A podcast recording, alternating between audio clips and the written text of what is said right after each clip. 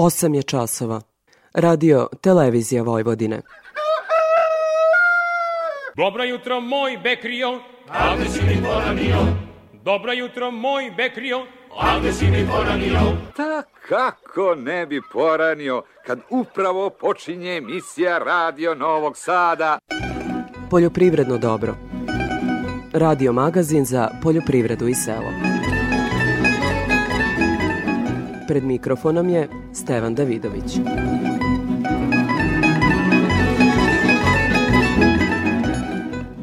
Dobro jutro. Od parcela na kojima uopšte neće biti potrebe za prihranom, do onih na kojima će trebati preko 120 kg azota po hektaru, prve su analize uzoraka zemljišta pod ozimim usevima u Subotici. Za uvod govori direktor poljoprivredne stanice u Subotici Damir Varga. Što se tiče uljane repice, na nekih 70% površina potrebno je dati od 90 do 120 kg azota. Kada su u pitanju pšenice, tu je situacija da na otprilike nekih 17% površine nije, ne treba ni raditi prihranu. Tako da je neka prosečna količina azota koju je potrebno dati za pšenicu oko 40 kg. Ratari su još i senas počeli da se pripremaju za prolećnu setvu. Kukuruz će, kao i obično, zauzeti najveće površine, a stručnjaci poručuju da treba biti izuzetno precizan kod tog posla. Kukuruz ima dobru cenu, ali su i troškovi proizvodnje visoki, pa će zarada zavisiti od umešnosti poljoprivrednika. O tome takođe slušamo u nastavku emisije. Kako će se na predstojećem 56. savjetovanju poljoprivrednika na Zlatiboru predstaviti laboratorija za zemljište Instituta za ratarstvo i povrtarstvo, tema emisije. Preporučujemo nastavku emisiji zanimljive zapise iz vinarstva i stočarstva. Na Beogradskom sajmu juče je završen Međunarodni sajam voćarstva, vinogradarstva i povrtarstva. Posetioci su imali priliku da vide bogat izložbeni kao i stručni program, jer se na trodevnoj manifestaciji predstavilo oko 500 izlagača. Sajam Agro Belgrade je otvorio ministar poljoprivrede Branislav Nedimović. Želim samo da vam kažem da je Srbija u 2021. godini izvezla milijardu evra voća i povrća. To su stvari o kojima smo nekad sanjali. I to kažem iz prostog razloga jer tu nije granica. Otvaramo novo tržište, idemo dalje. Jedna od prilika za sve to je Open Balkan. Toliko u uvodu sledi muzika pa izveštaj agrometeorologa.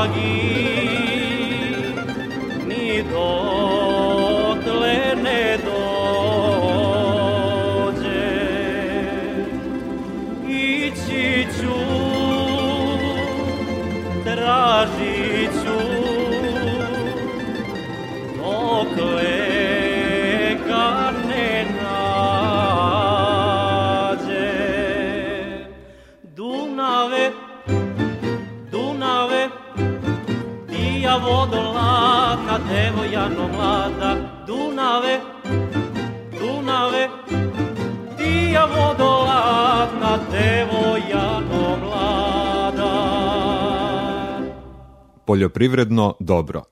Radio Novi Sad.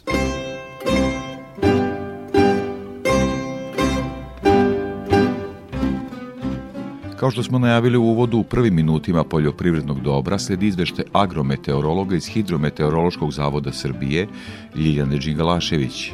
Protekla sedmica obeležena u običajnim vremenskim uslovima za januar. Minimalne jutarnje temperature vazduha bile su ispod proseka sa umerenim do jakim mrazevima na 2 metra visine od minus 1 do minus 18 stepeni, dok je u Sjenici izmereno minus 25 stepeni.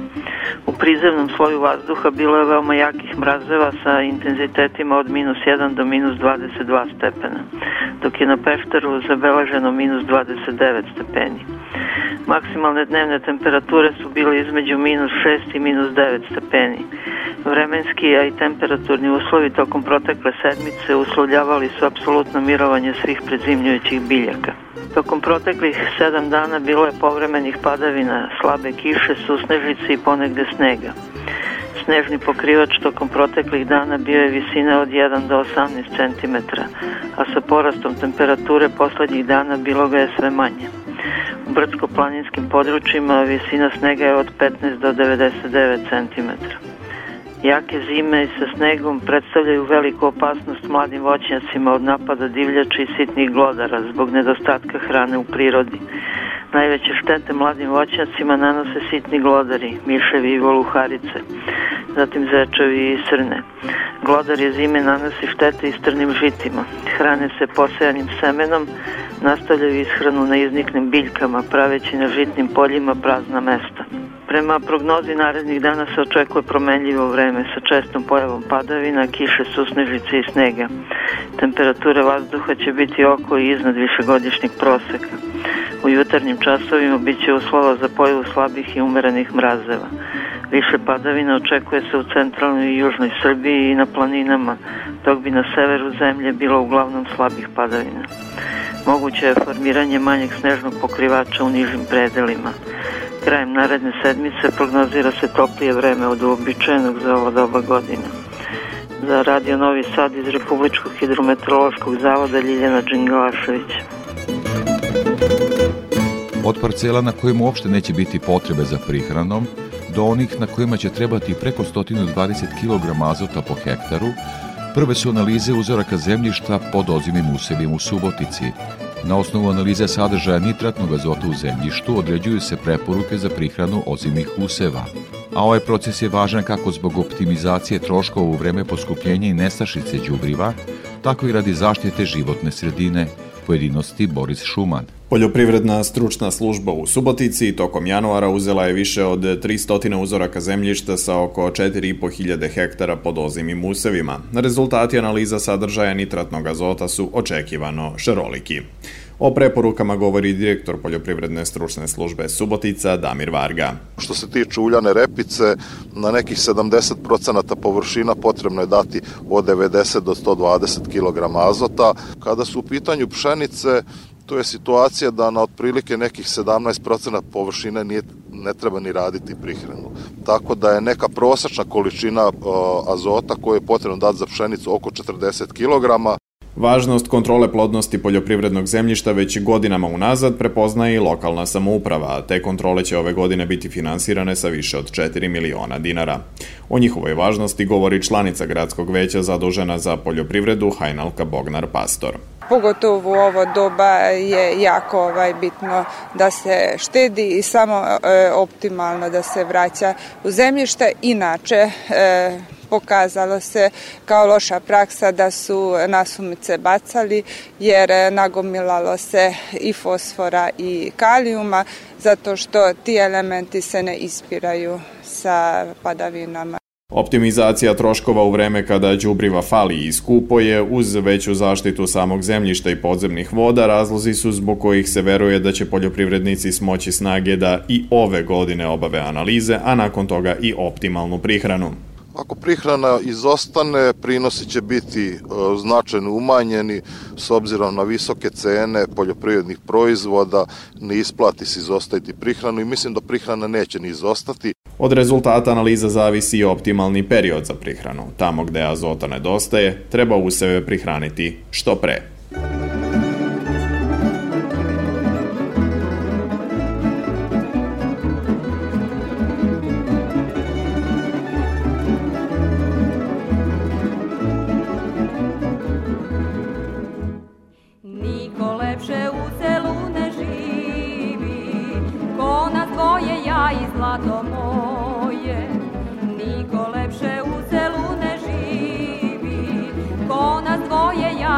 Ja i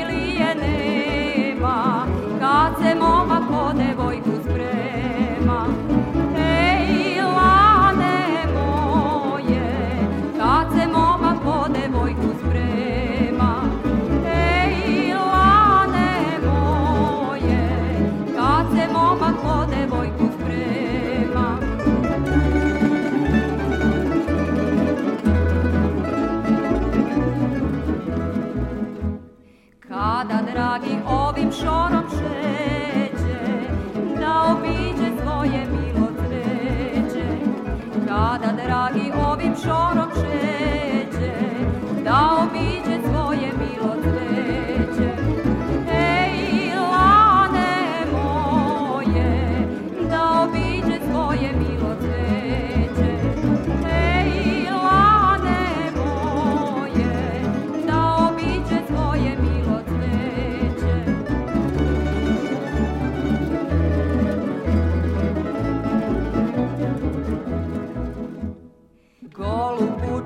slavu i odgovara, to se dragi s dragom razgovara.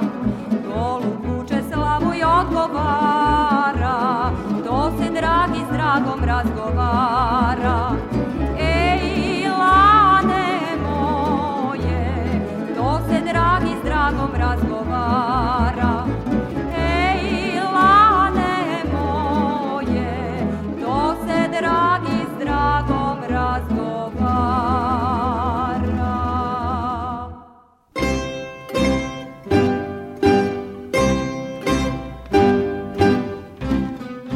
Šumadijskom okrugu posjedno je oko 20.000 hektara pšenice, ali zbog visoke cene osnovnih đubriva, mnogi poljoprivredni proizvođači nisu uneli mineralno đubrivo na svojim njivama u periodu pred setvu, pa je preporuka stručnjaka da obavezno obave prihranu azotnim đubrivom, kako bi se izvukao ovogodišnji prinos. Ana Rebić. U Šumadiji je posejano oko 20.000 hektara pšenice, mrazevi i veliki minus zbog snežnog pokrivača ne utiču loše na sam razvoj biljke.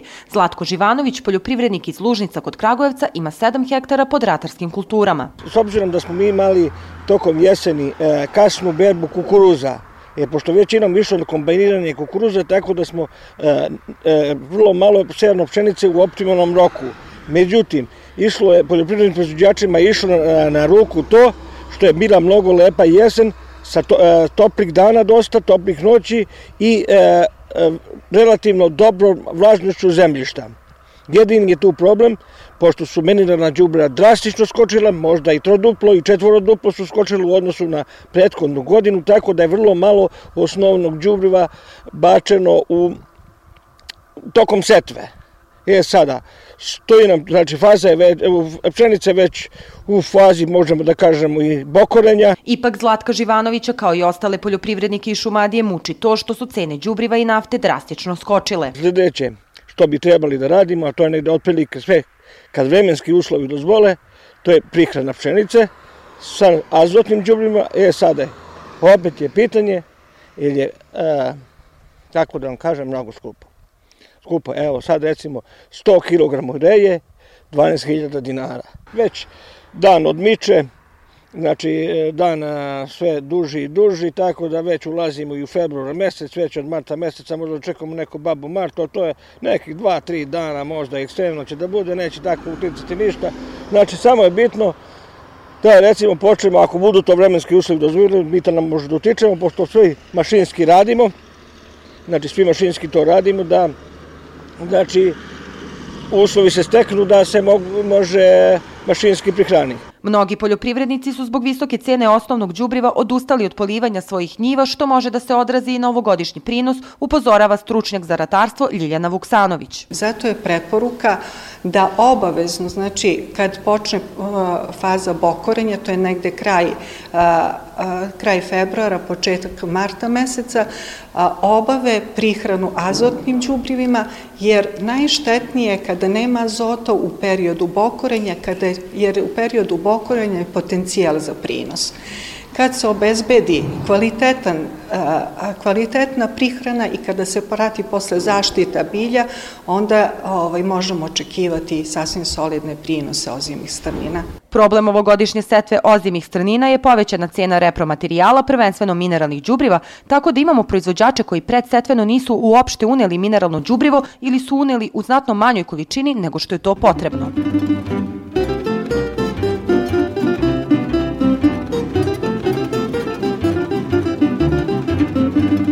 Suša je u letnjim mesecima postala bezmalo redovna pojava. Zato se naši ratari za uspešnu proizvodnju i prolećnu setvu konsultuju sa stručnjacima u vezi sa tim važnim poslom. O prolećnoj setvi kukuruza i dilemama ratara govori stručnjak Instituta za ratarstvo i povrtarstvo Goran Bekavac moram priznati da su ovi razgovori na temu proizvodnje 2022. počeli negde još u novembru, verovali ili ne. Zašto u novembru? E, razlog je veoma jasan. Znači, novembar je u suštini mesec kada bi trebali da uradimo tu osnovnu obradu zemljišta, osnovnu obradu u smislu onog pravog, dubokog oranja. I vrlo često smo govorili zimsko oranje, ne, u suštini to je jesenje oranje, kada bi trebali da unesemo u skladu naravno sa agrohemijskom analizom zemljišta kompletne količine fosfora i kalijuma i recimo nekih 30 do 40% azotnih đubriva. I to naravno da zaoremo na jednu ozbiljnu dubinu koja je tu negde između 25 i 30 cm.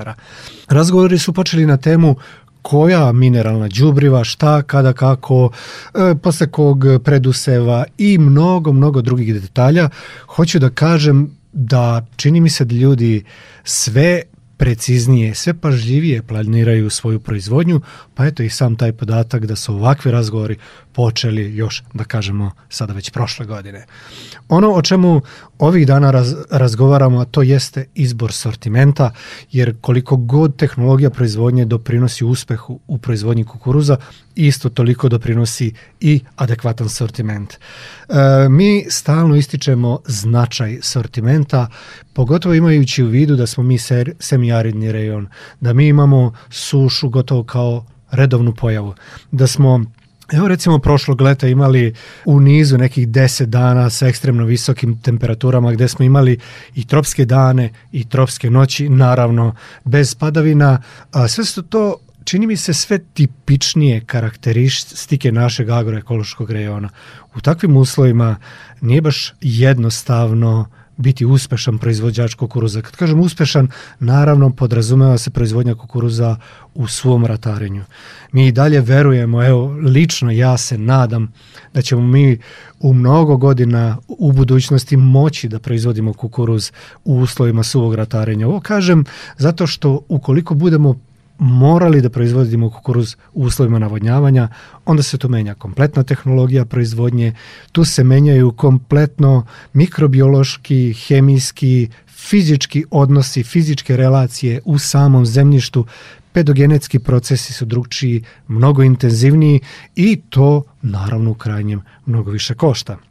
I cena i sve to nas opredeljuje kao jednog od veoma ozbiljnih izvoznika kukuruza u svetu i moram da kažem i taj simpatičan podatak na koji svi treba da budemo ponosni, to je činjenica da se mi svake godine nađemo među prvih 15 najvećih izvoznika kukuruza na svetu, a veoma često i među prvih 10.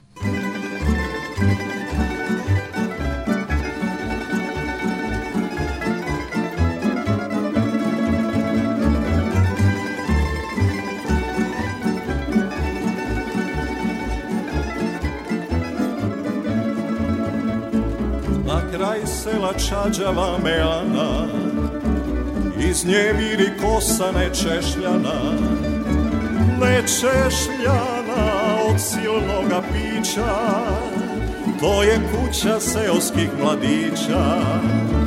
Ne češljana od silnoga pića, to je kuća seoskih mladića.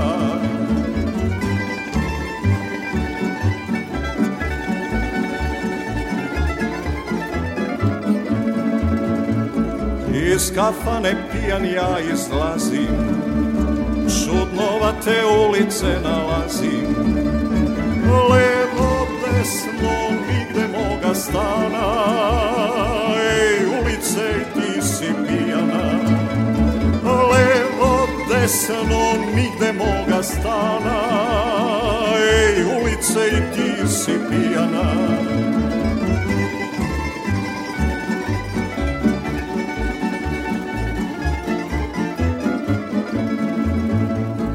Gle mesec se nakrivio Na jedno je oko zažmurio A drugo je sasvim zatvorio Sram ga bilo i on se napio A drugo je sasvim zatvorio Sram ga bilo i on se napio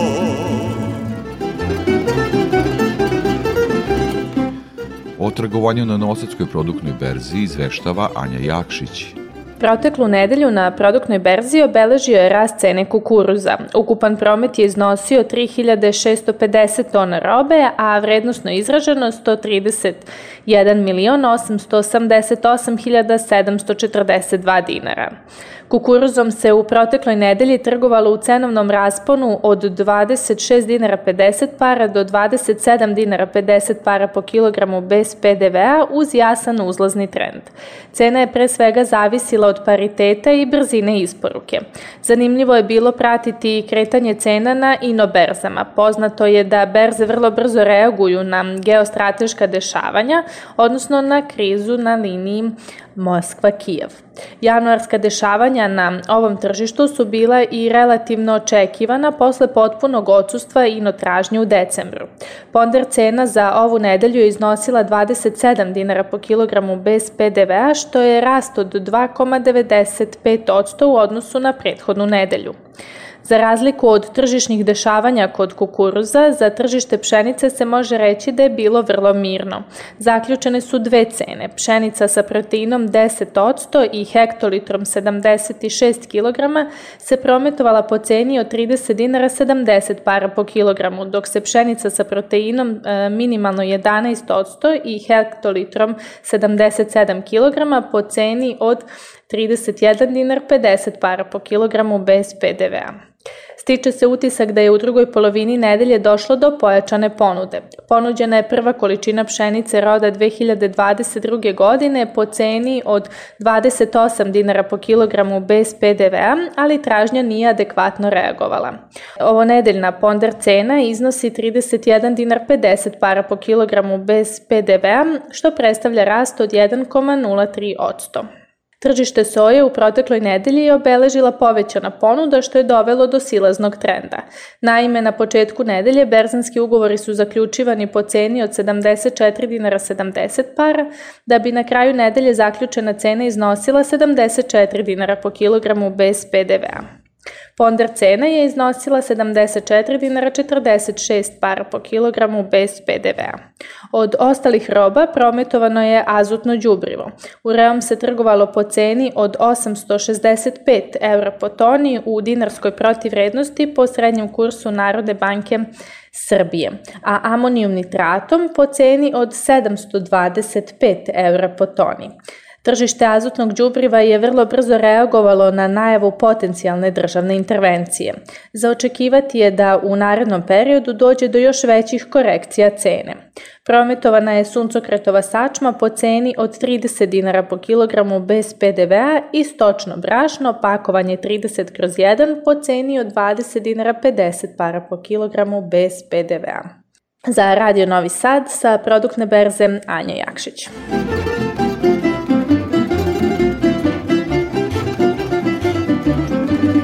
Kao i svake nedelje pratimo izveštaj o cenama sa tržišta žive stoke.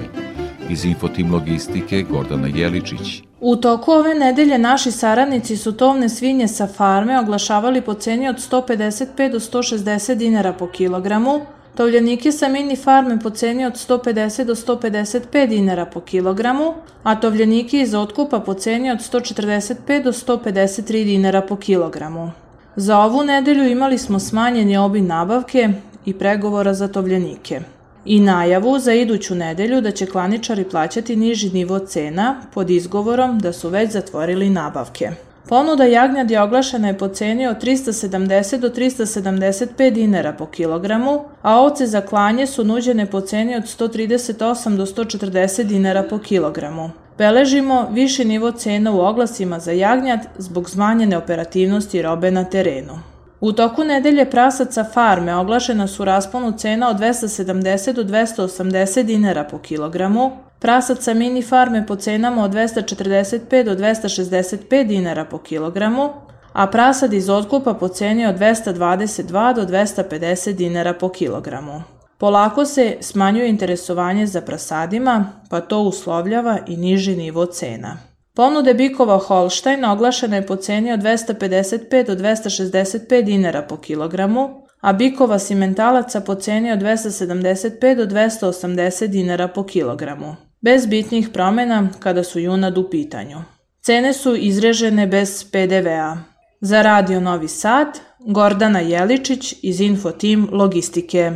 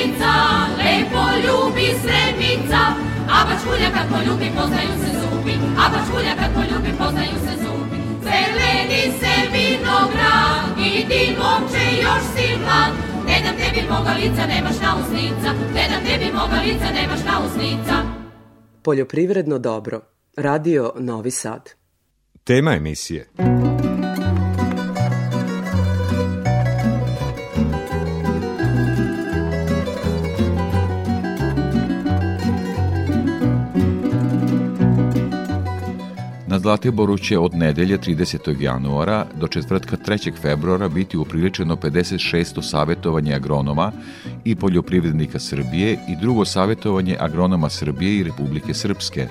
Jedan od predavača na toj tradicionalnoj manifestaciji biće Jovica Vasin, rukovodilac laboratorije za zemljište i agroekologiju Instituta za ratarstvo i povrtarstvo. Sa njime razgovarao Đorđe Simović jedno od predavanja ćete i vi imati na Zlatiboru. Kako ćete predstaviti uh, laboratoriju za zemljište i agroekologiju? Laboratorija za zemljište i agroekologiju je jedna od organizacijonih jedinica našeg instituta za ratarstvo i povrtarstvo sa specifičnom delatnošću. Znamo da je institut za ratarstvo i povrtarstvo u principu uh, uh, oplemenjivačka i semenska kuća čija je osnovna delatnost proizvodnja sorti i hibrida praktično svih ratarskih i povrtarskih kultura, ali naša laboratorija kao osnovnu delatnost ima pružanje usluga poljoprivrednim proizvođačima, prvenstveno kroz terenska i laboratorijska ispitivanja zemljišta, ali i neki drugih materijala kao što je recimo voda za navodnjavanje, kvalitet džubriva, organskih i neorganskih, mineralnih i e, kvalitet pesticida. Takođe imamo, to nam je najjača veza sa kolegama iz instituta, ostalim kolegama je analitika biljnog materijala. E, već dve decenija, možda i više, a, pratim institut za ratarstvo i povrtarstvo, na kraju krajeva i a, vašu laboratoriju i lično kao agronoma i voćara vinogradara, znači stručnjaka tog profila, izuzetno me a, e, raduje da sve više angažmana imate na ispitivanju zemljišta koje je namenjen za višegodišnje zasade, pre svega za voćnjake i vinograde. Kako se taj posao odvija i koji je najveći posao koji trenutno radite? Što se tiče voćarstva i vinogradarstva, oni imaju neku svoj ciklični ovaj, tok u, na, u našoj državi. Znamo da je vinogradarstvo bilo prilično razvijeno 90. godina pa do skora bili smo svedoci krčenja mnogih vinograda. U poslednje vreme je na sreću neki pozitivan trend podizanja novih zasada i obnavljanja starih. Naravno, to je vrlo kompleksan posao, ozbiljan posao, često investitori koji to rade nisu iz naše branše, ali angažuju konsultante, tako da možemo reći da je postignut jedan vrlo visok nivo kvaliteta rada. Mi smo ponosni što smo deo čitavog tog procesa kao laboratorije za zemljište, prvenstveno za zemljište, ovaj, jer radimo na dosta lokacija po celoj našoj Srbiji od Vojvodine preko centralnog dela što se tiče dizanja uglavnom relativno manjih zasada. Međutim, imamo i zanimljivu priču revitalizacije velikih kompleksa zemljišta u blizini e, Leskovca, to su bivši Navipovi i Rubinovi vinogradi koji su praktično zapušteni od početka 2000. godina do danas nekih 20 godina je tu zapušteno i od prošle, odnosno pretprošle godine je krenuo taj proces revitalizacije, uklanjanja biljnog materijala, nivelacije i popravka zemljišta, popravke zemljišta. Kolege su shvatili da je laboratorija za zemljište i agroekologija našeg instituta vrlo iskusna u tome i da imamo dobre reference pa su nas angažovali. U pitanju je 800 hektara, ogroman posao, Kažem, ponosi smo na to jer već prve površine e, su krenule sa sadnjom. Koliko je to bitno, valje znati iz nekih osnovnih agronomskih e, saznanja, znamo da se stanjakom bi trebalo da se vratarske kulture svake četvrte godine đubre e, sa 20, 30, 40 tona po hektaru, međutim kada se zasnivaju zasadi, vinogradi i voćnjaci, taj sadržaj organske materije pošto se e, te kulture podižu na period od ovaj 20, 30, 40 godina, može da bude i do 100 tona stanjaka po hektaru i u tonama čak i da se računaju pre svega MPK, mineralna đubriva sa, sa e, većim sadržajem pre svega fosfora i kalijuma i onda dolazimo možda i do odgovora na pitanje zašto je bitno uraditi ovaj kvalitetnu analizu zemljišta namenjenog voćnjacima i vinogradima. Koje su specifičnosti analize ovih terena u odnosu na recimo ispitivanje zemljišta za ratarske useve?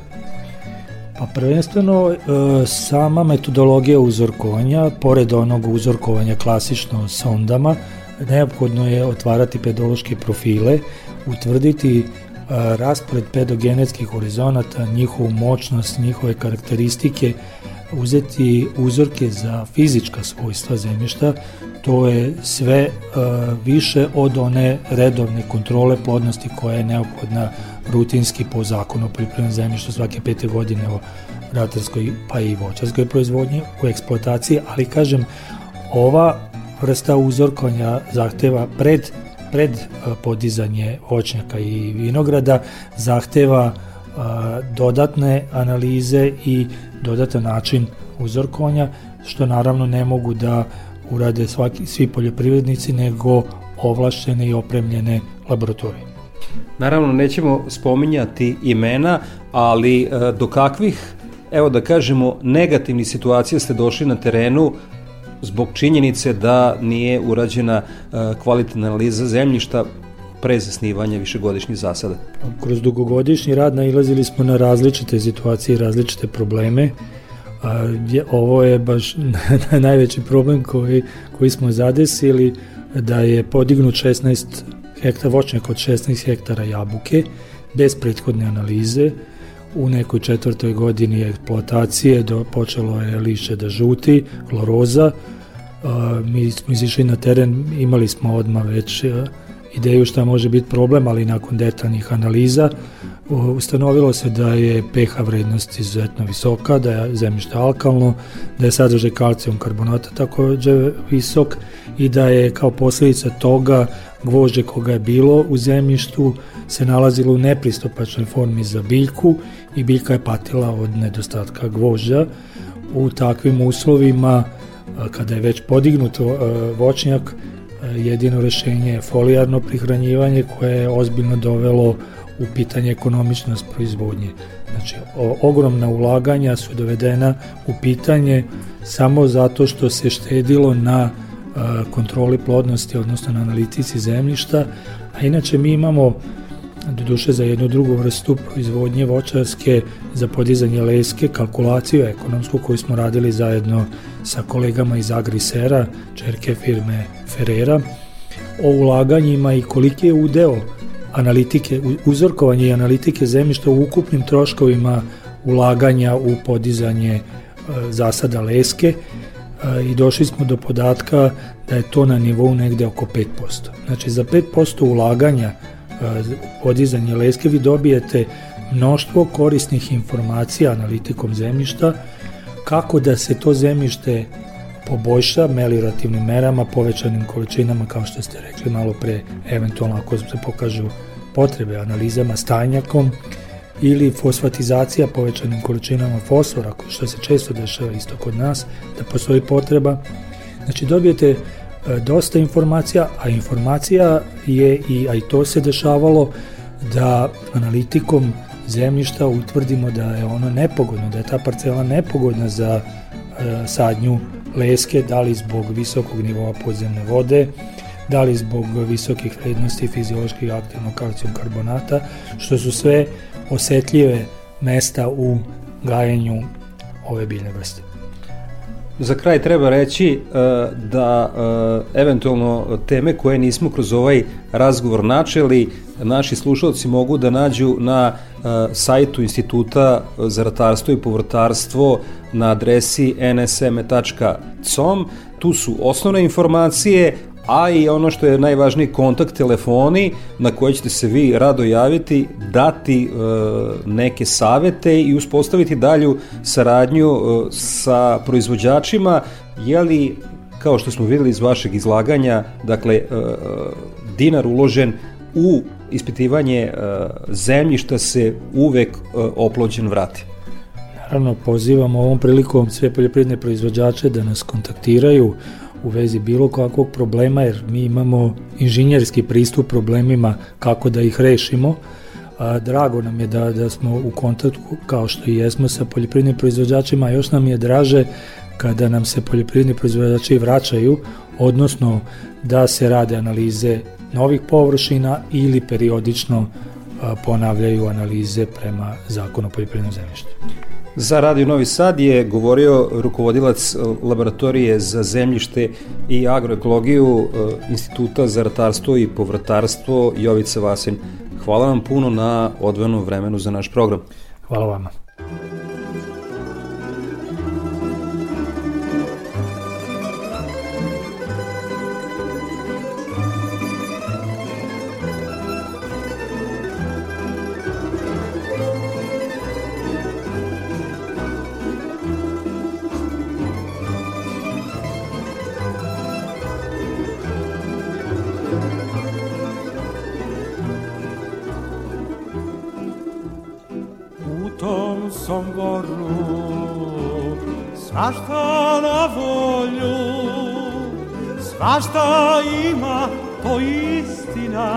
Čak i žene piju vina u tom somboru. Svašta ima, to istina, čak i žene piju vina u tom somboru.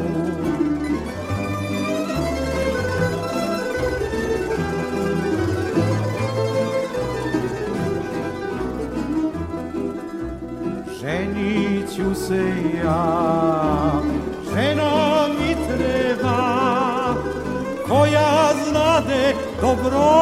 radit, a ja ću se gospodarit u tom somboru. Koja znade dobro radit, a ja ću se gospodarit u tom somboru.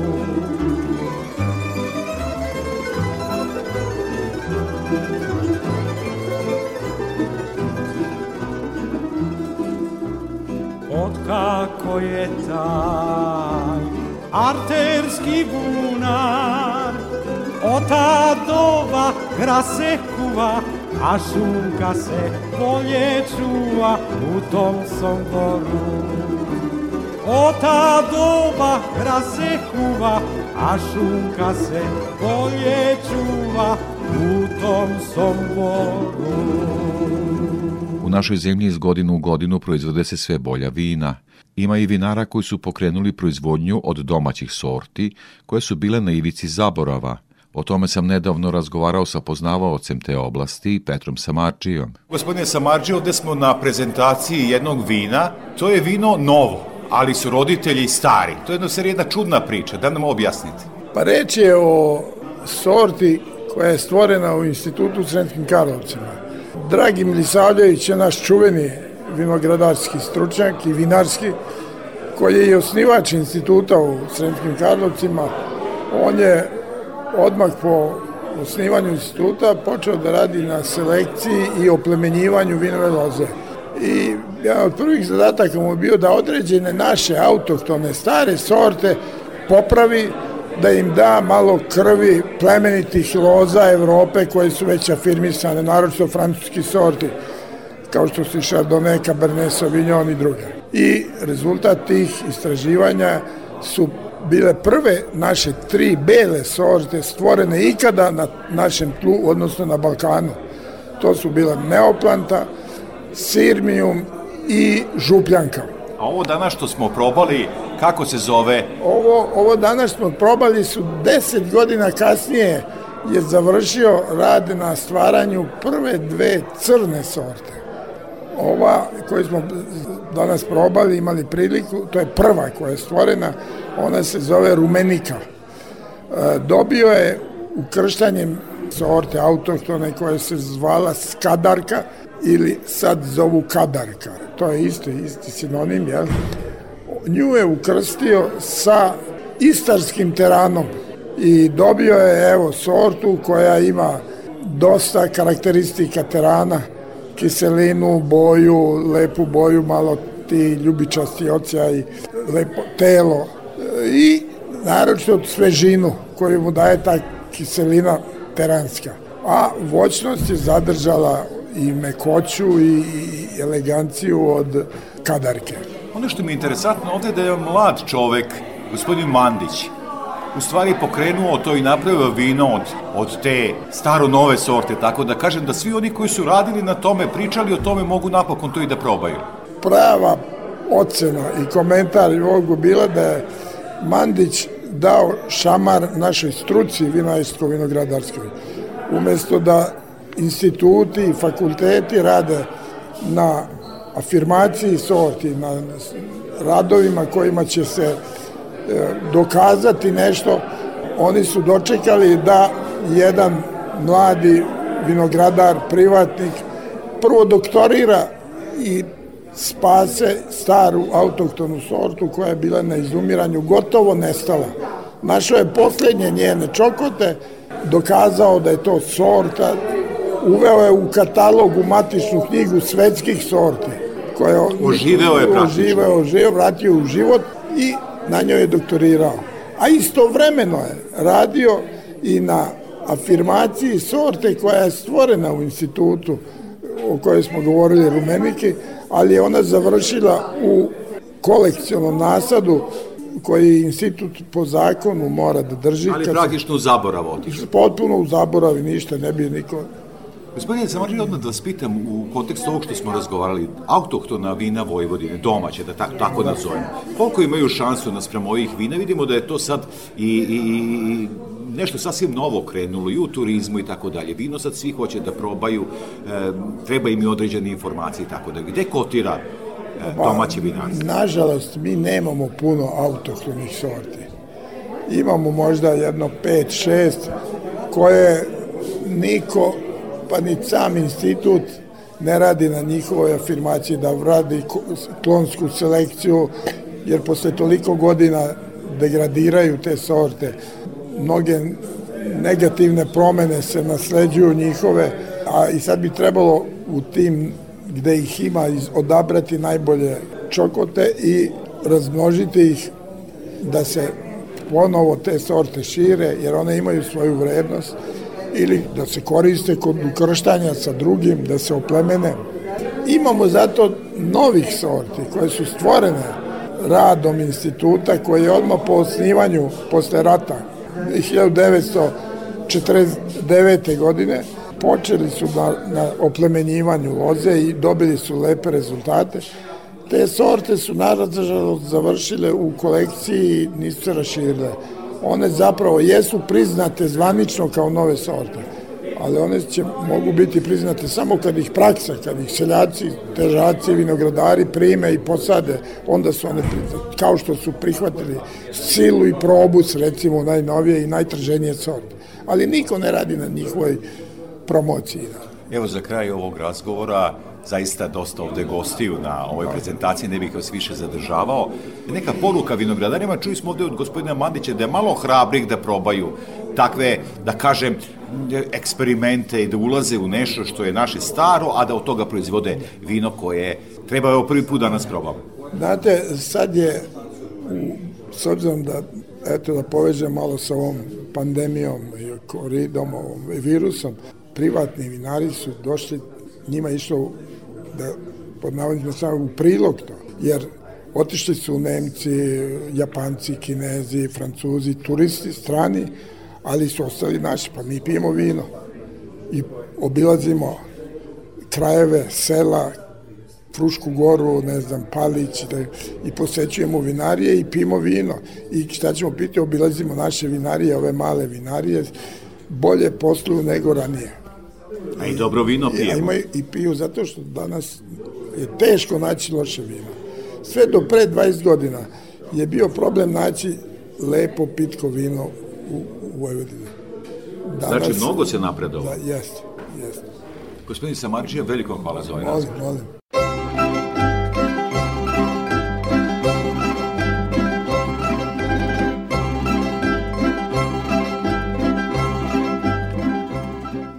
Najmanju u Knićaninu kod Zrenjanina, između Tise i Begeja, nalazi se farma od 130 vodenih bivola. Ova autohtona rasa goveda daje meso i mleko vrhunskog kvaliteta, a ovde i dalje rade na uvećanju matičnog stada. Tanja Krunić. Živica Matić ovo imanje kupio je pre 20 godina, a najpre je morao sve da raskači. Potom je nabavio i nekoliko komada vodenih bivola koji su u tom poslu bili od velike koristi. Borislav Vuletin u posao se uključio pre četiri godine. Kaže da se vremenom broj grla povećavao. Radi se i dalje na uvećanju matičnog stada. Nije to bila nikad neka biznis varijanta, neka priča ovaj, sa, sa, sa konkretnim planom. Šta je nego, eto, prisiljeni smo, tu smo gde smo, dovedeni smo u situaciju da ih imamo i da sad služimo mi njima, pa za nekih možda godinu, dve kad ostvarimo to što smo namomili, ovaj, bude i neka ekonomska korist. Ovo krdo danas broji 130 grla. Naš sagovornik kaže da ih ima na više mesta u zemlji sa 10, 20 ili 30 komada, a velika farma sa nekoliko stotina grla je na Kosovu i Metohiji, ali je drugačiji tip uzgoja. To je stara autohtona rasa, izdržljive, snažne. Ovaj, nije tovna rasa, nije mlečna rasa, nije ekonomski isplativa, ali ovaj, to je nešto to je jednostavno genetički resurs je nešto, nešto što moramo sačuvati. One su došle ovde pre nekih 1500 godina ovaj, i u suštini ovaj predeo im odgovara. Njima zove se vodeni bivo zato što ovaj, nije da, da mora da bude u vodi, ali one nemaju znojene žlezde i da bi se rashladile, to im je jedini način ovaj, da tako da vole. Ono, kad je leto, kad je vrćina, one, ono, celo stado je u, u, u jezeru. Ove životinje na farmi u Knićaninu nisu zatvorene u štali, već se slobodno kreću. Meso je, ističe Vuletin, vrhunskog kvaliteta. A mleko je dosta masnije od kravljeg, pa jedno dva, tri puta masnije, ovaj, mi nismo još radili nikakve analize, jer u suštini mi njih i ne muzemo, jer sistem je krava tele, tako da ovaj, mleko smo probali, ali nismo radili nikakve analize, znam ukus. Ovde ima preko 40 hektara ograđenog prostora, što nije dovoljno. Životinje su pola godine na paši, a drugu polovinu godine ih dohranjuju.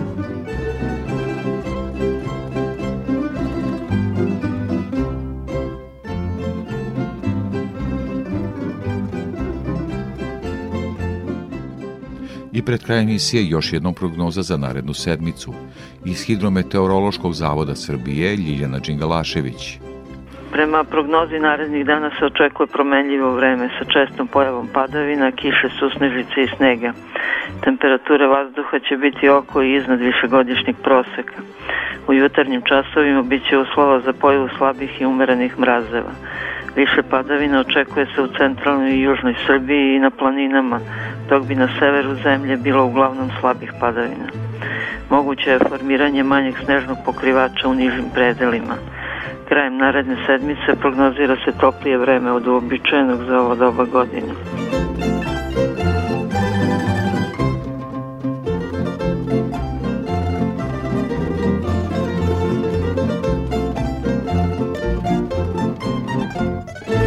To bi bilo sve što smo pripremili za ovo izdanje poljoprivrednog dobra Radio Novog Sada.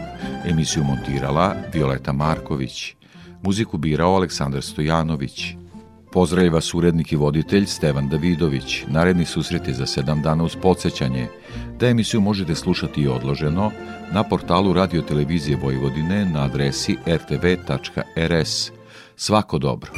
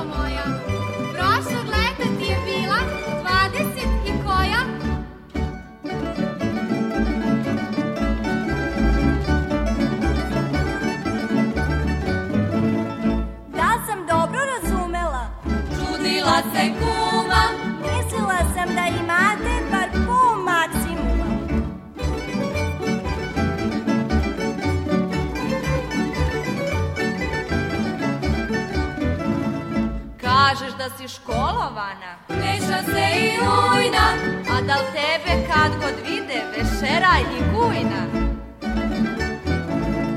Brati drži bircu zveliš, to je dobra struka,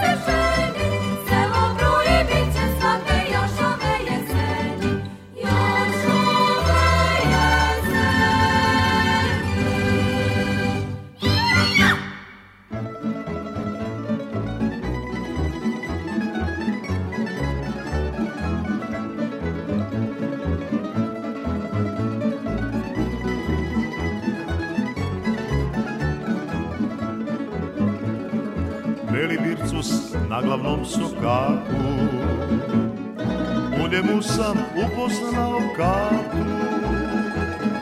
Kato, Kato, moje suvo zlato Odvešću te svojoj kući, Kato. Kato, Kato, moje suvo zlato Odvešću te svojoj kući, Kato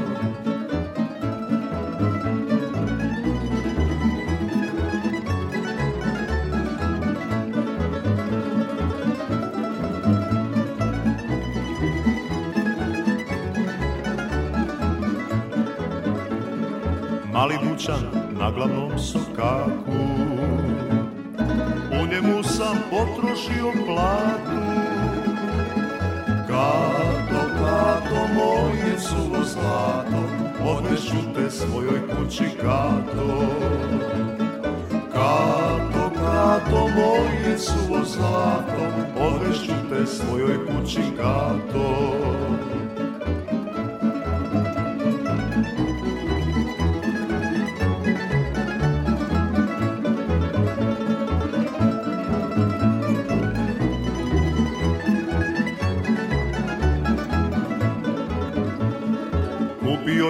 Suknjicu od svile. Ta lepša je i od bele vile. Kato, kato, moje suvo zlato Odvešću te svojoj kući, kato. Kato, kato, moje suvo zlato Odvešću te svojoj kući, kato. Sad se kerim po novome sadu Katu da mi zlata dadu. Kato, kato, moje suvo zlato Odvešću te svojoj kući, kato Kato, kato, moje suvo zlato Odvešću te kući nepovratno